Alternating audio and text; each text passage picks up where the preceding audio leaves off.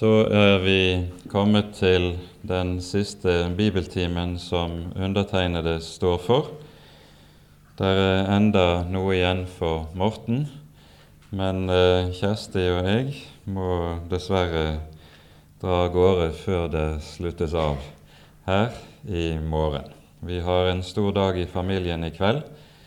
Min, både min bror og svigerinne skal feire 50-årsdag pluss sølvbryllupsdag, og da må vi være med der.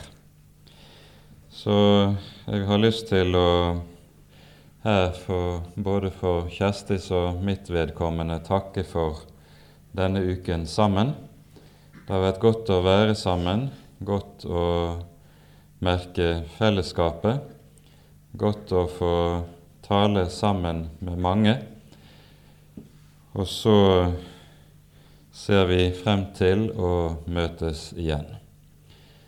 Ellers har jeg lyst til også å si at det har gjort særlig sterkt inntrykk både å høre vitnesbyrdet fra dere iranere og eh, fra det arbeidet som drives og jeg har lyst til særlig å ønske Guds velsignelse for dere over det arbeid og den tjeneste som dere står oppe i.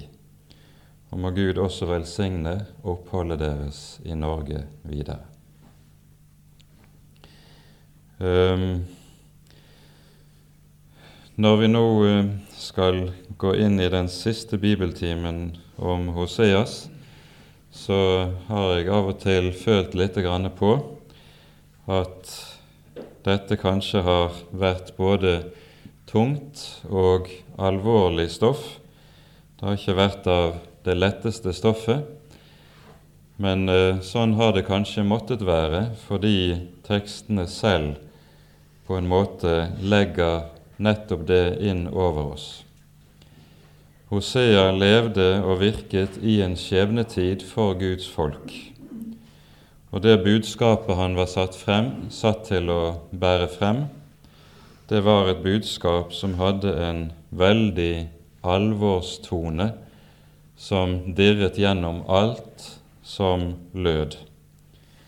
Og så skal kanskje det også være noe av det som har fått klinge gjennom det vi har vært sammen om disse bibeltimene. Det er ett hovedtrekk som likevel ved profetens budskap som vi ikke har stanset mye opp for, men som vi skal bruke dagens bibeltime til å se nærmere på, det er at vi også finner et frelsesbudskap hos profeten Hoseas, som går igjen like fra bokens begynnelse til dens avslutning. Så vet dere noe om hva dagens bibeltime kommer til å dreie seg om. Men la oss be sammen før vi går videre.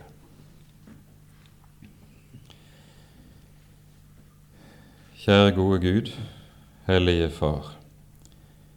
Så kommer vi sammen for ditt ansikt igjen. Vi takker og lover deg, Herre, for det ordet du har talt til oss og gitt oss. Takk, Herre, at ditt ord både er skarpt og mildt. Du taler både til tukt og til trøst. Ja, Herre, ved ditt ord døder du og gjør oss levende. Vi ber, Herre, at du vil ta deg av oss slik at vi alltid hører på ordet ditt, tar det til hjertet, slik at du også kan få gjøre disse dine to gjerninger med oss, ettersom du ser vi trenger det. Gi oss, Herre, den stillhet hver og en av oss behøver, for at dine ord kan få nå inn, nå inn på dypet i våre hjerter, og gjøre den gjerning du tenker for oss. Så legger vi hver enkelt som har vært med disse dagene på Ognatun, i dine hender. Vil du velsigne hver og en når vi nå etter hvert reiser hver til vårt, så vi også kan bevare dine ord i våre hjerter. Det ber vi for Jesus skyld, og takker og lover deg, Herre, fordi du er god, og din miskunnhet varer til evig tid. Amen.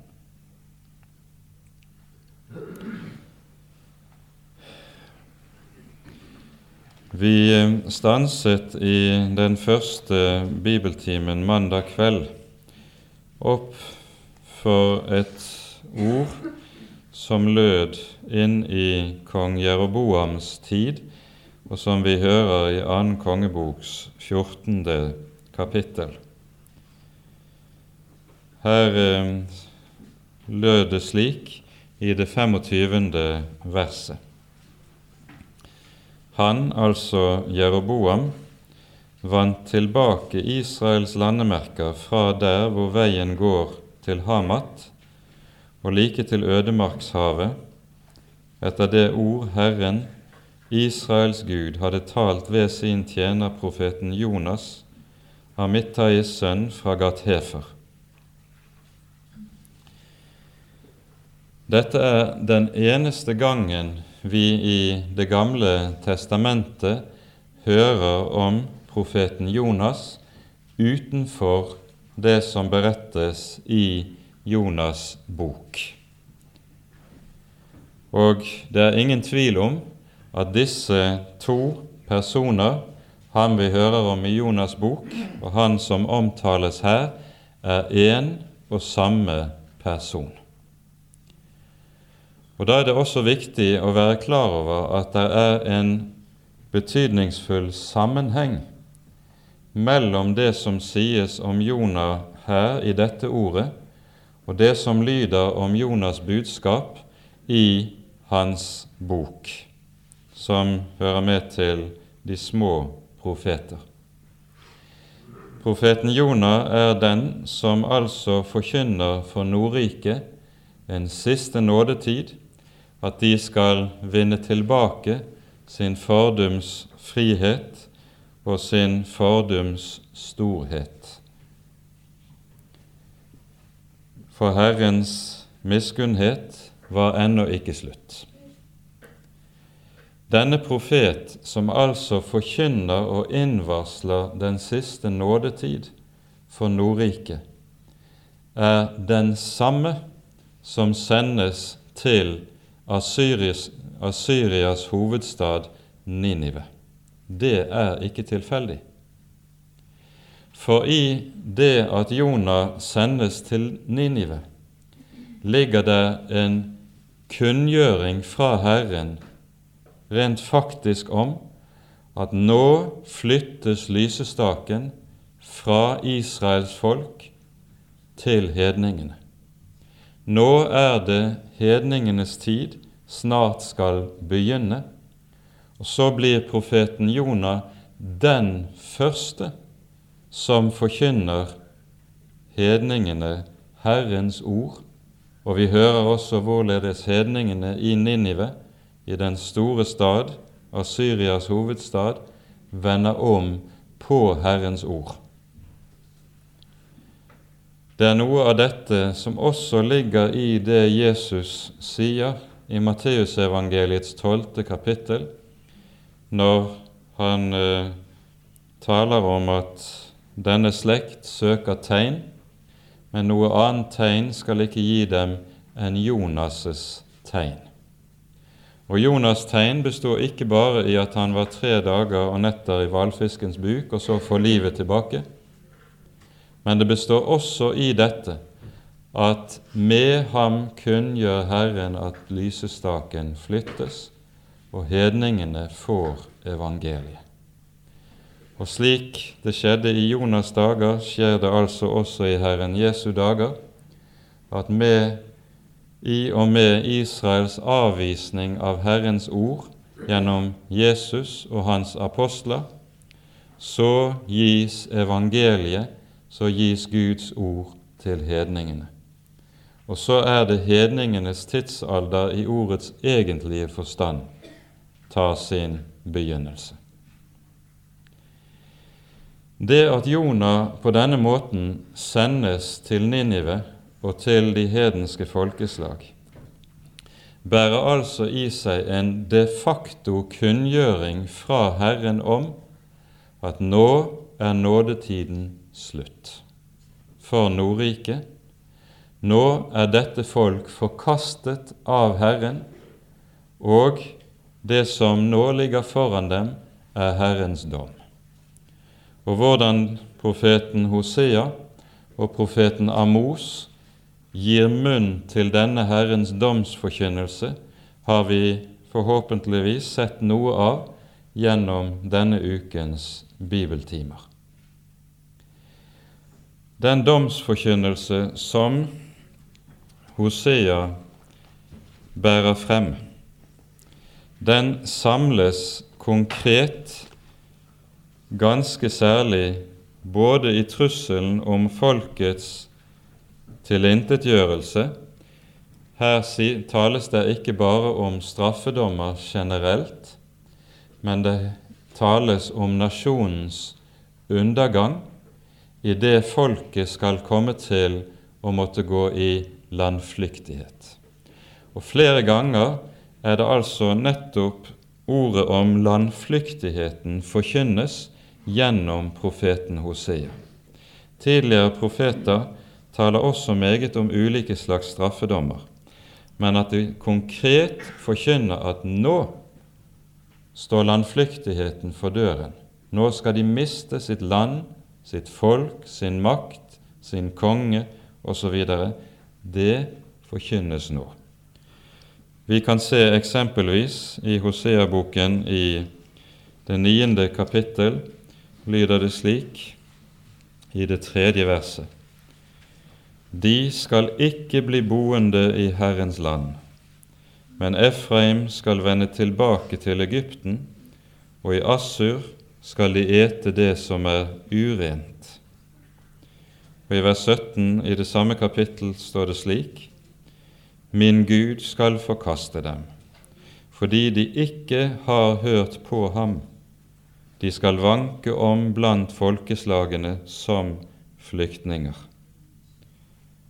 Og så i det ellevte kapittelet, i vers 5, til, hører vi tilsvarende Han skal ikke vende tilbake til Egyptens land, men Assur skal være hans konge. For de ville ikke vende om. Og så hører vi videre om de fryktelige straffedommene som ligger foran.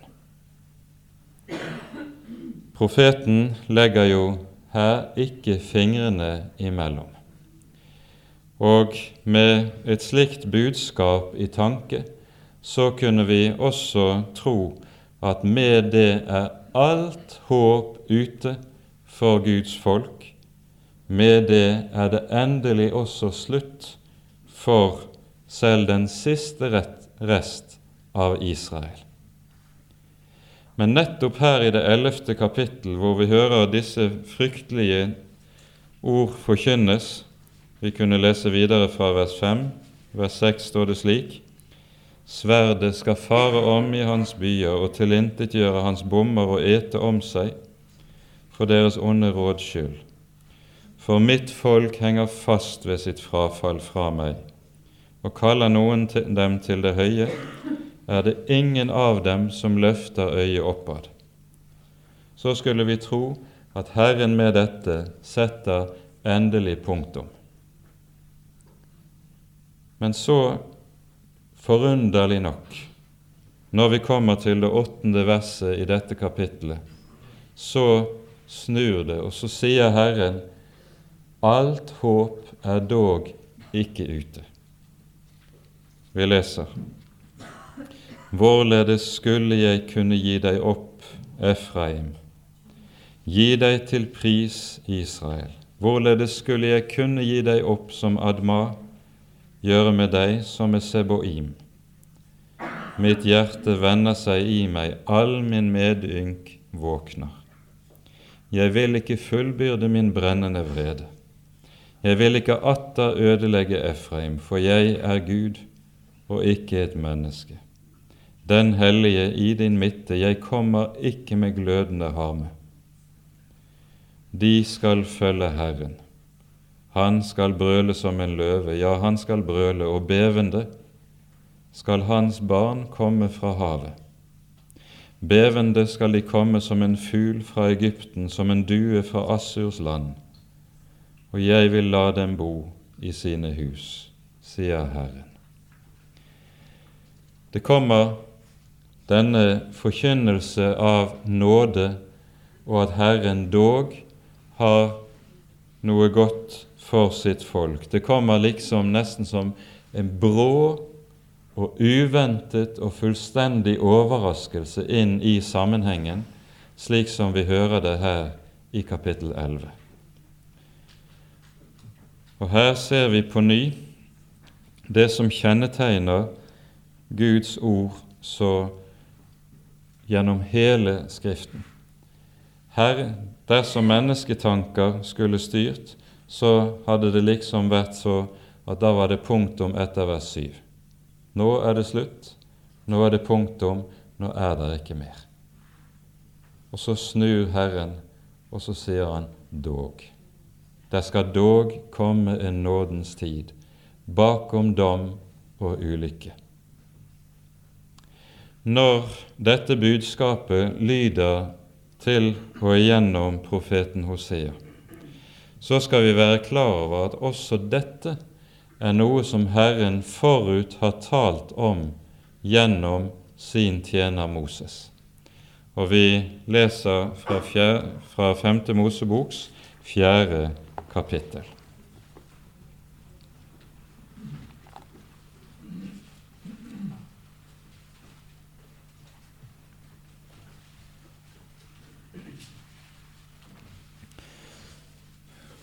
Vi kunne for sammenhengen sin del kanskje lese fra vers 25. Når du får barn og barnebarn, og dere blir gamle i landet, og dere forsynder dere med å gjøre noe utskåret bilde av noe slag, så dere gjør hva ondt er i Herrens deres Guds øyne, og dermed egger ham til vrede, så tar jeg i dag himmelen og jorden til vitne mot dere at dere visselig snart skal utryddes av det land dere nå drar inn i over Jordan, og skal ta i eie. Dere skal ikke leve mange dager der, men bli helt ødelagt. Herren skal spre dere blant folkene, så bare en liten flokk av dere blir tilbake blant de hedningefolk Herren fører dere bort til. Det vi her hører, det er liksom Hosea-bokens budskap i et nøtteskall. Dere kjenner det igjen. Og I dette så ser vi noe som er et uhyre viktig trekk ved alle profetenes gjerning og virke, nemlig profetene er ikke slike som blått og bart får ord fra Gud, så å si dettende ned i hodet på seg. Profetene de er slike som kjenner Herrens ord slik det er åpenbart i Mosebøkene ganske særlig. Dette ordet er de dypt fortrolig med, slik at profetenes forkynnelse er skriftforkynnelse. Og det som kjennetegner profetene og gjør dem til profeter, er at det ord som allerede er gitt dem i Hellig Skrift, det åpenbarer Herren på en slik måte at han sier nå er tiden der det og det kommer til å gå i oppfyllelse. Og så forkynner de altså oppfyllelsen av det som allerede forut er forkynt i Den hellige Skrift. Profetene er altså slike som kun utfolder den åpenbaring som allerede er gitt først og fremst da i Mosebøkene. Og Dette er det som gir den røde tråd, den indre sammenheng i Den hellige Skrift, at du kan se at alt henger sammen. Det er en dyp og grunnleggende indre enhet i budskapet som går der like fra begynnelsen helt inn til avslutningen. Dette er viktig å merke seg, For bare på den måten, når vi ser sammenhengen mellom Mosebøkene og profetenes forkynnelse, forstår vi rett profetenes gjerning. Det være nevnt som en parentes i denne sammenheng. Vi leser videre. Altså I vers 27 sto det:" Herren skal spre dere blant folkene, så bare en liten flokk av dere blir tilbake blant de hedninge folk Herren fører dere bort til. Der skal dere dyrke guder som er gjort av menneskehender, stokk og stein, som ikke ser, ikke hører, ikke eter og ikke lukter. Der skal dere søke Herren din Gud, og du skal finne ham når du søker ham av alt ditt hjerte og av all din hud. Når du er i trengsel og alle disse ting kommer over deg i de siste dager, da skal du omvende deg til Herren din Gud og høre på Hans røst. For Herren din Gud er en barmhjertig Gud. Han skal ikke slippe deg, skal ikke la deg gå til grunne. Han skal ikke glemme den pakt med dine fedre som han tilsvor dem. Og Hopper vi til det 30. kapittelet i 5. Mosebok, blir dette enda mer konkretisert. Her lover Herren, vi leser fra vers 1 i kapittel 30, når da alle disse ting kommer over deg, velsignelsen og forbannelsen som jeg har forelagt deg, og du tar det til hjertet, ute blant alle de folk Herren din Gud har drevet deg bort til, og du av alt ditt hjerte og all din sjel omvender deg til Herren din Gud og hører på Hans røst i det jeg byr deg i dag, både du og dine barn, da skal Herren din Gud gjøre ende på ditt fangenskap og miskunne seg over deg, og han skal atter samle deg fra alle de folk som Herren din Gud hadde spredt deg iblant. Om dere enn er drevet bort til himmelens ende, skal Herren din Gud samle deg og hente deg derifra.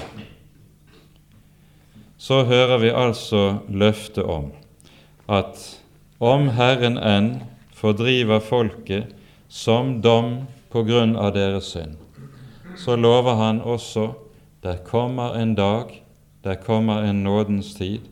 Herren vil igjen samle sitt folk og ta seg av sitt folk. Vi hørte i det fjerde kapitlet i Femte Mosebok at dette ble uttrykkelig knyttet til de siste dager, når dere i de siste dager vender om. Og Uttrykket 'de siste dager' det er et uttrykk som vi møter en rekke steder i Det gamle testamentet. Første gang i Jakobs velsignelse over sine sønner i Første Moseboks 49. kapittel. Da skuer han fremover.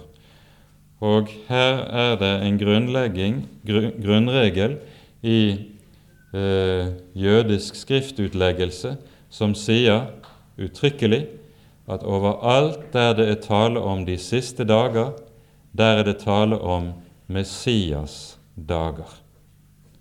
Når vi hører om Israels omvendelse i de siste dager, da er det noe som altså uttrykkelig i jødisk forståelse av Skriften er knyttet til løftet om Messias, som også skulle komme i de siste dager.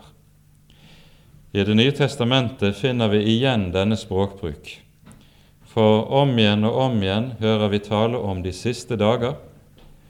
Og her sies det hva? Jo, det sies vi lever i de siste dager.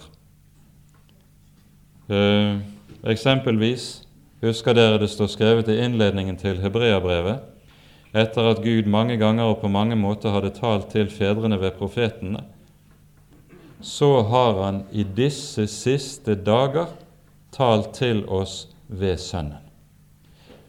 Det er nemlig slik at i og med Messias fremtreden og komme, da begynner de siste dager og de siste tider.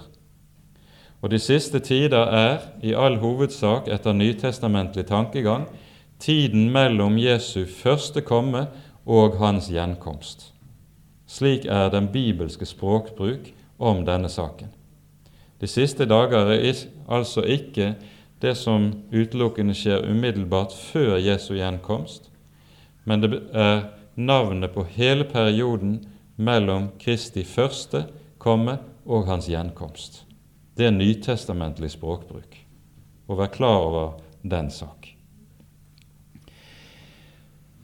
Talen om de siste dager hører vi også hos profeten Hosea. Og vi minner igjennom det ord som lød i det tredje kapittel hos Hosea, som vi allerede har vært innom tidligere.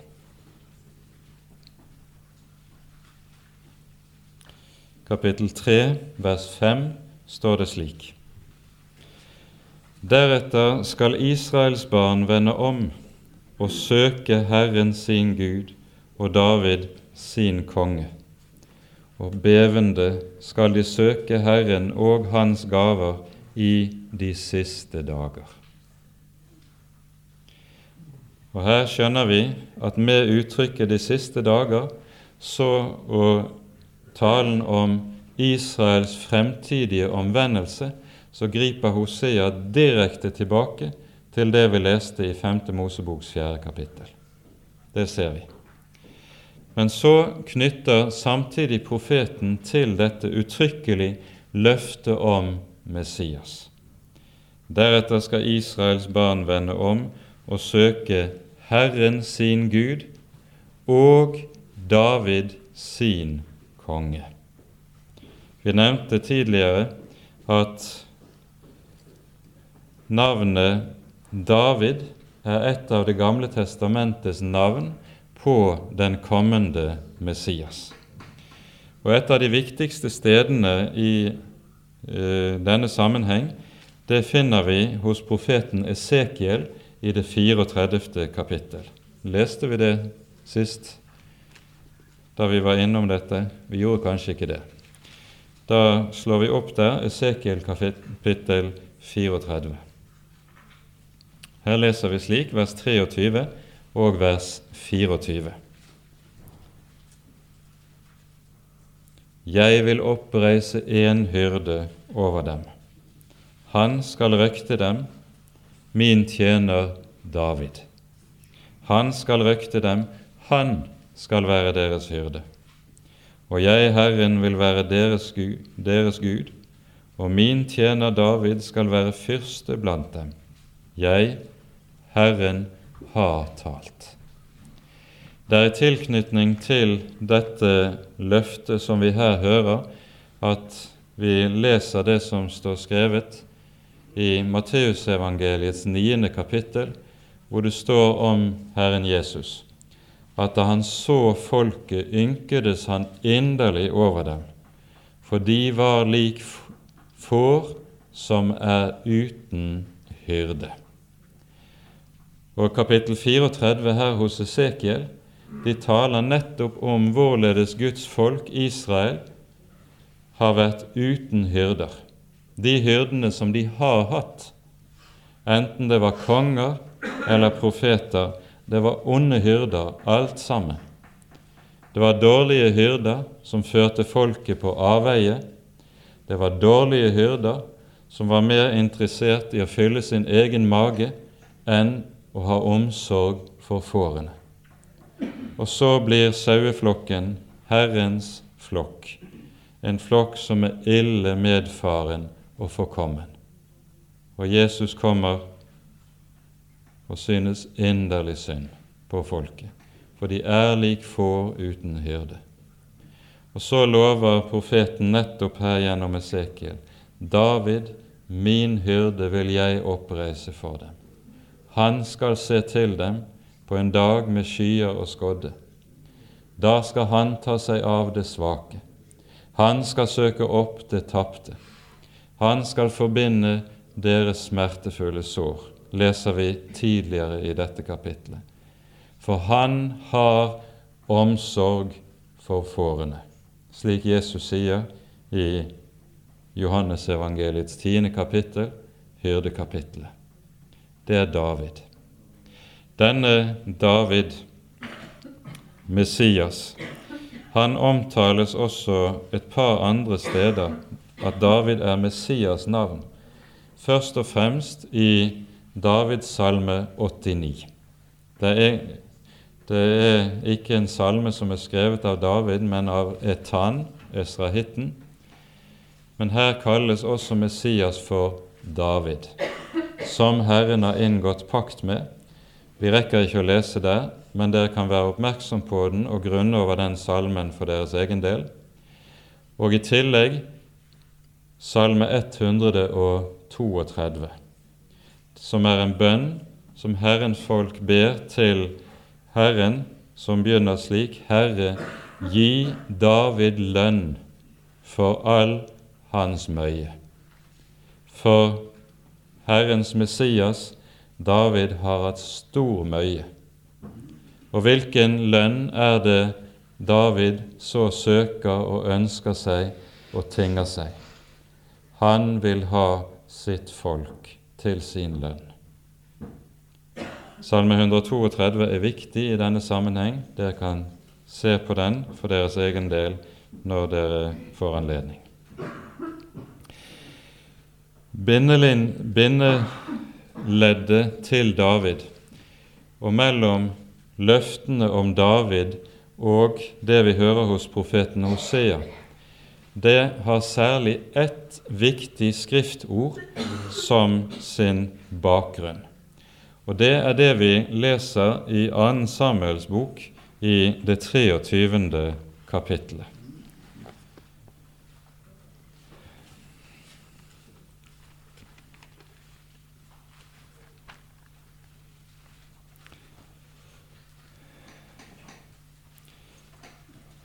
Og Vi leser her de fem første versene av kapittel 23. Dette er Davids siste ord. Så sier David, Isais sønn, så sier mannen som høyt var satt, Jakobs Gud salvede og Israels liflige sanger. Herrens ånd taler gjennom meg, og Hans ord er på min tunge. Israels Gud har talt. Til meg har Israels klippe sagt. Der skal være en hersker over menneskene, en rettferdig, en hersker i Guds frykt. Han skal være lik morgenens lys når solen går opp, en morgen uten skyer når ved solskinn og ved regn gresset spirer frem av jorden for har ikke mitt hus det således med Gud? En evig pakt har han jo gjort med meg, ordnet i alle deler og trygget. All min frelse og alt hva ham behager, skulle ikke han la det gro frem. Vi hører her at dette er Davids siste ord. Han ligger på det siste, og så gir han oss det som er sitt åndelige testamente. Og mens han nå nærmer seg sin siste time, er det én sak som opptar ham, det er én sak sinnet hans går i retning av.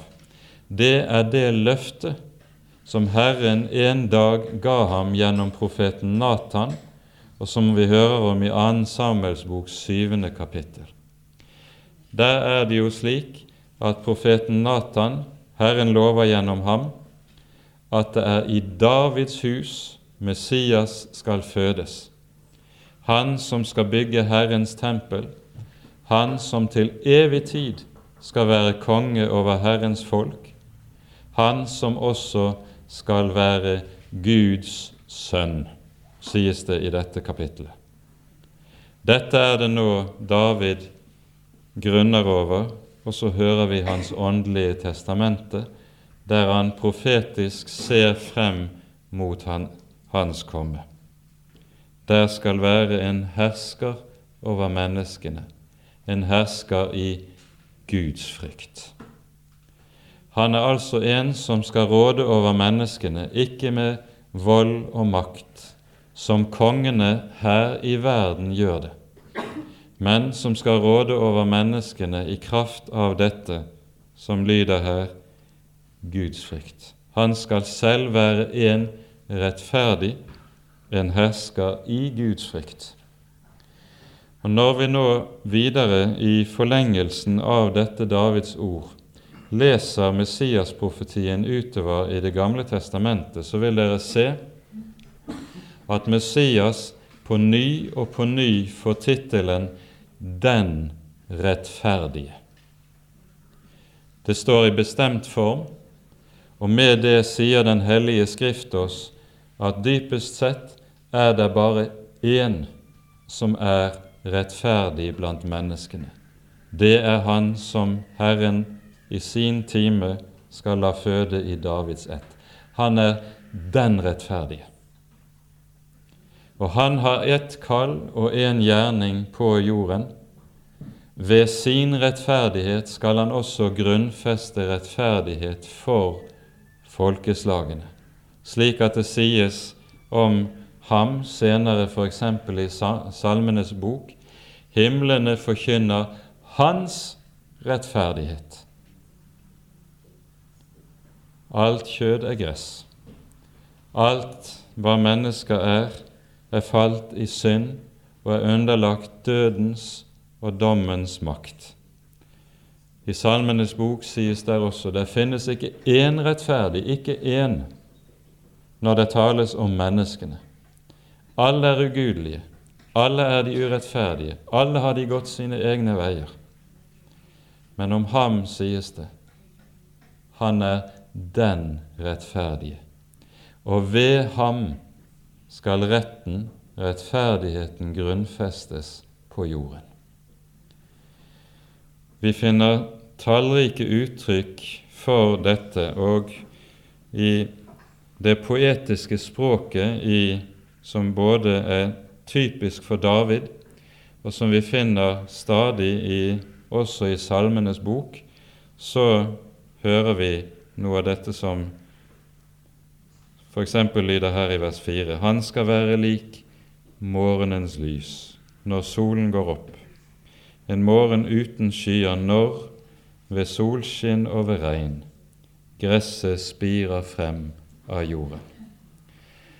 Og Her er det slik at dette bildet av hvorledes når lyset bryter frem etter at regnet har falt, så spirer det av jorden, og så bærer jorden grøde. Det er i denne billedbruk Jesus går inn når han taler om det å bære frukt. For det er han som er Messias, som med sitt lys kommer. Og så ser vi eksempel på dette flere steder i Salmenes bok. La meg henlede oppmerksomheten kort først til Salme 72, som er den ene av de to salmer av Salomo som vi finner i Salmenes bok. Denne salme av Salomo er i sin helhet, om vi kan bruke et slikt uttrykk, en meditasjon over Davids siste ord i 2. Samuels bok 23. kapittel. Grunn over det, les denne i sammenheng og se hvorledes disse tekstene henger dypt sammen. Vi leser et par vers fra denne salmen. Gud, gi kongen, altså Messias-kongen, dine dommer og kongesønnen din rettferdighet. Han skal dømme ditt folk med rettferdighet og dine elendige med rett. Fjellene skal bære fred for folket og haugene for rettferdighets skyld.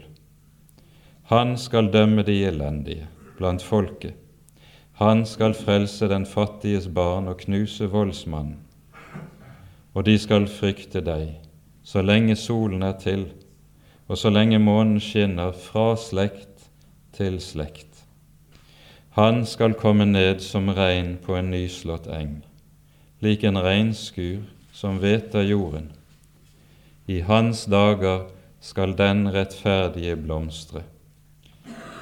og det skal være megen fred, inntil månen ikke er mer. Hopper vi til Salme 85, finner vi noe av den samme billedbruk som taler om dette. fra vers 10 i denne salmen leser vi slik.: Ja, Hans frelse er nær hos dem som frykter ham, for at herlighet skal bo i vårt land. Nåde og sannhet skal møte hverandre, rettferd og fred kysse hverandre. Sannhet skal vokse opp av jorden, og rettferd skue ned fra himmelen. Herren skal også gi det som godt er, og vårt land gi sin grøde.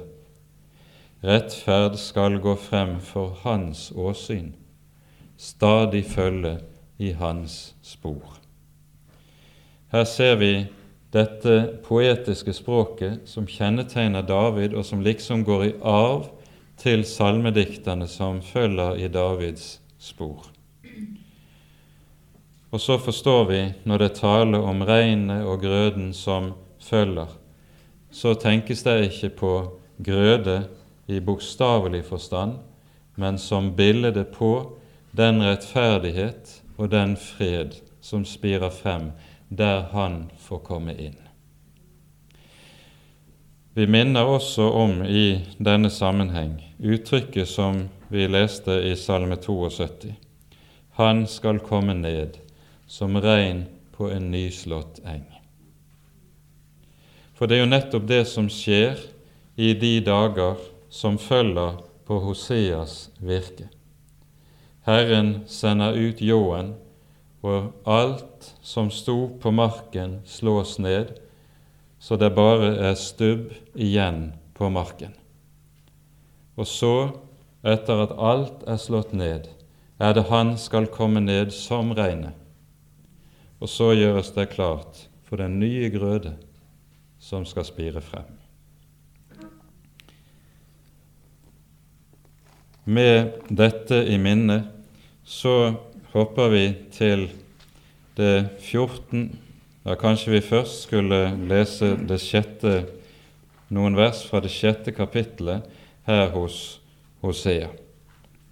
De tre første versene de minner også meget klart og meget sterkt om disse ordene til David i 2. Samuel 23.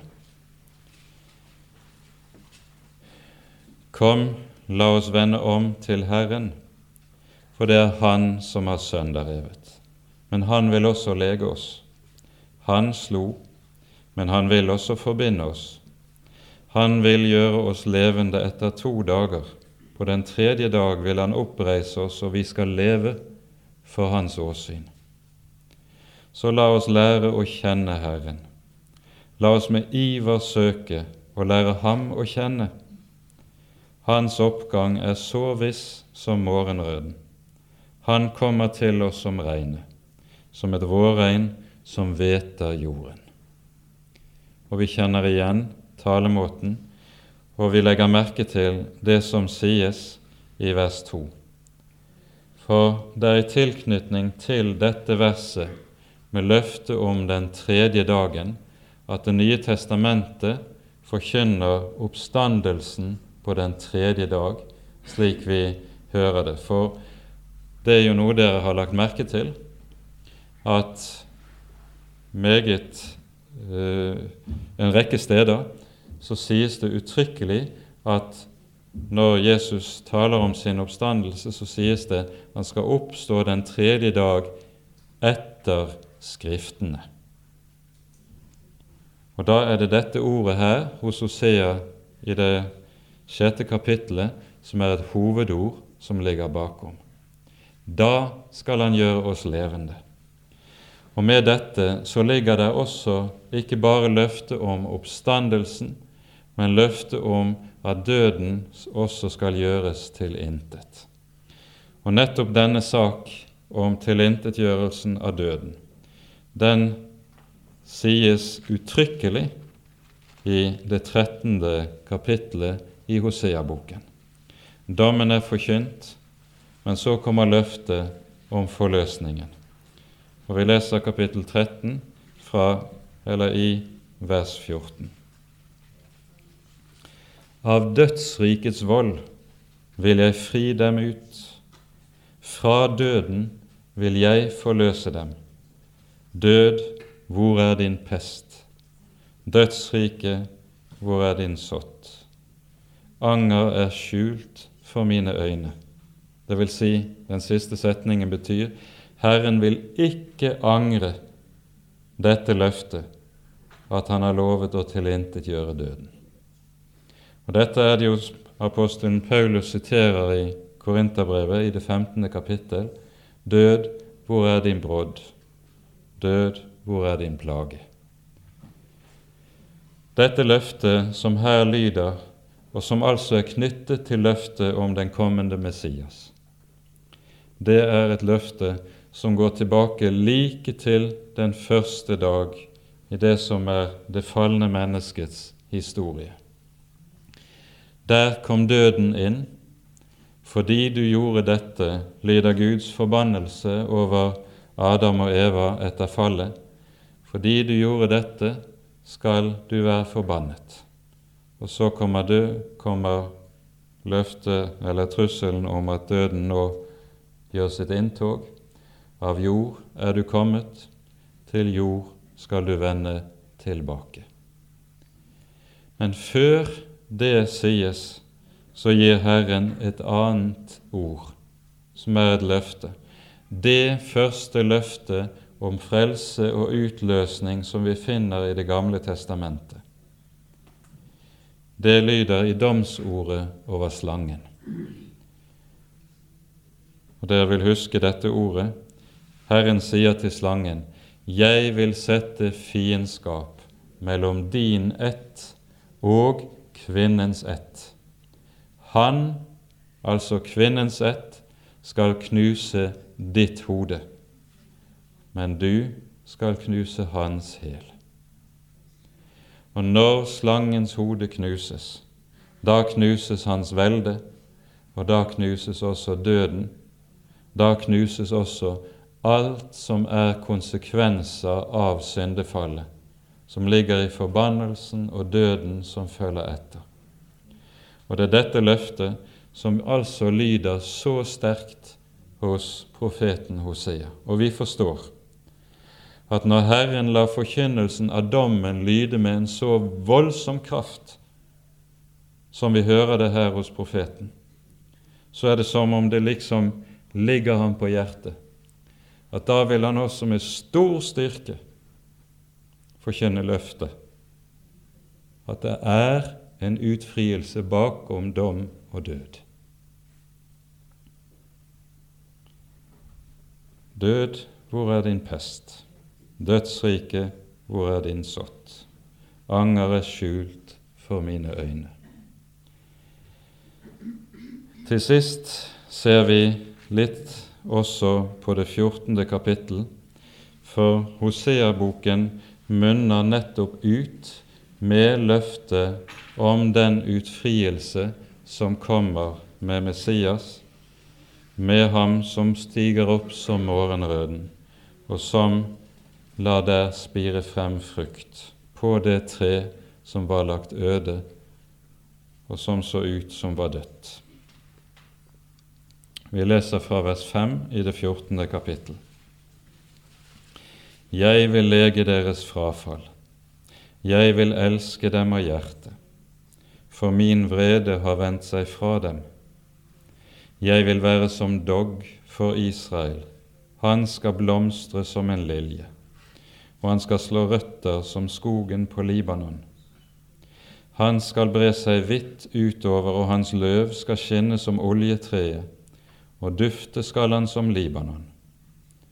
De som sitter i hans skygge, skal atter avle korn og blomstre som vintreet. Minnet om ham skal være som Libanons vin. Efraim, hva har jeg mer med avguder å gjøre? Jeg vil bønnhøre ham og se til ham. Jeg er som en grønn sypress. Det skal vise seg at din frukt kommer fra meg. Hvem er vis så han skjønner dette, forstandig så han merker seg det? For Herrens veier er rette, og den rettferdige ferdes på dem, men overtrederne snubler der. På ny møter vi dette billedspråket som vi fant i 2. Samuels bok 23. Bildet av frukten som skal spire frem. Men det er en rekke underlige trekk ved det som sies om det som nå skal spire frem. Først legg merke til det som sies om planten som står her. Han skal blomstre som en lilje. Fager er liljen, men den er sped. Men denne planten som blomstrer slik, den skal slå rot som skogen på Libanon, som sederen altså. Og sederen, den er et veldig tre, som sannelig har et rotsystem som ikke er lik liljens, men som kanskje er like mektig som dets krone. Han skal spire som liljen, men har røtter som sederen. Det er et underlig bilde. Men det peker på det som er noe grunnleggende i alt kristent liv. Det viktige er alltid det som ikke sees. Vi har det med at vi tenker som regel kun på det som sees, det er det som har betydning, det som likesom er over jorden. Men saken er jo den frykt blir det i Guds rike og i Guds folk kun dersom røttene er i orden og røttene er rett.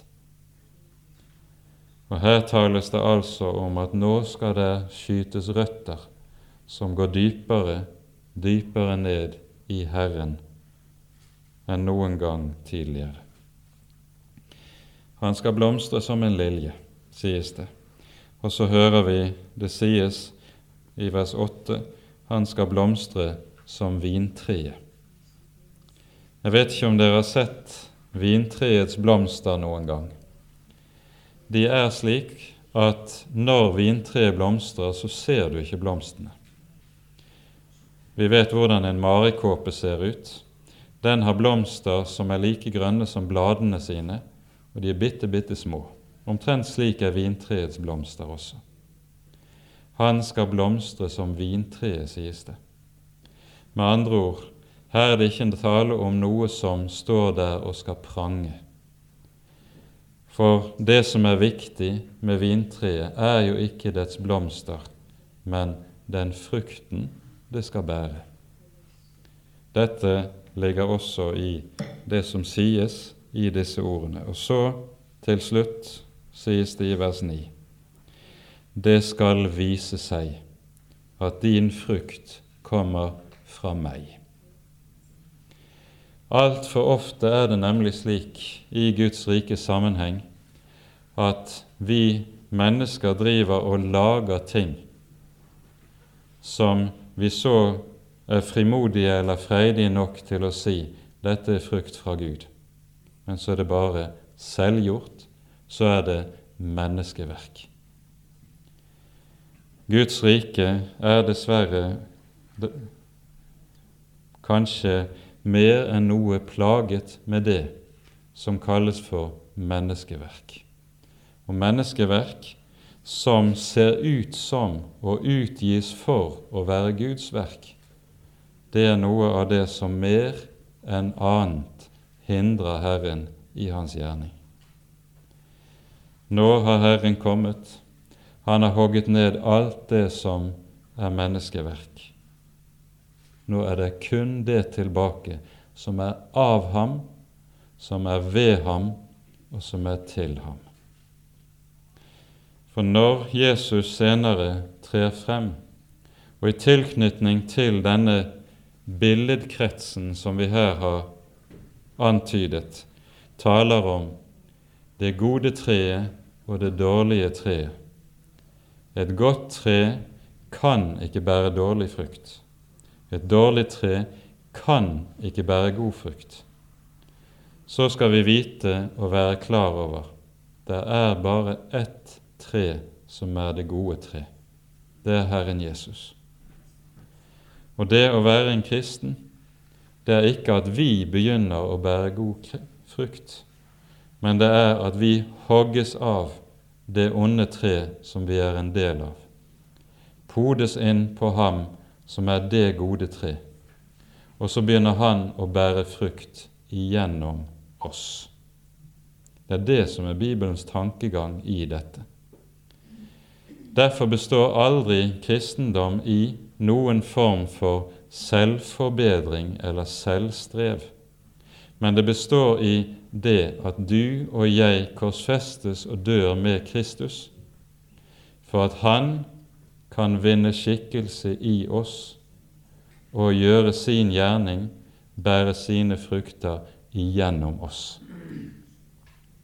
Da, og bare da, er det tale om det som Skriften kaller den gode frukt. Og det er i tilknytning til dette at altså Hoseas taler som han gjør.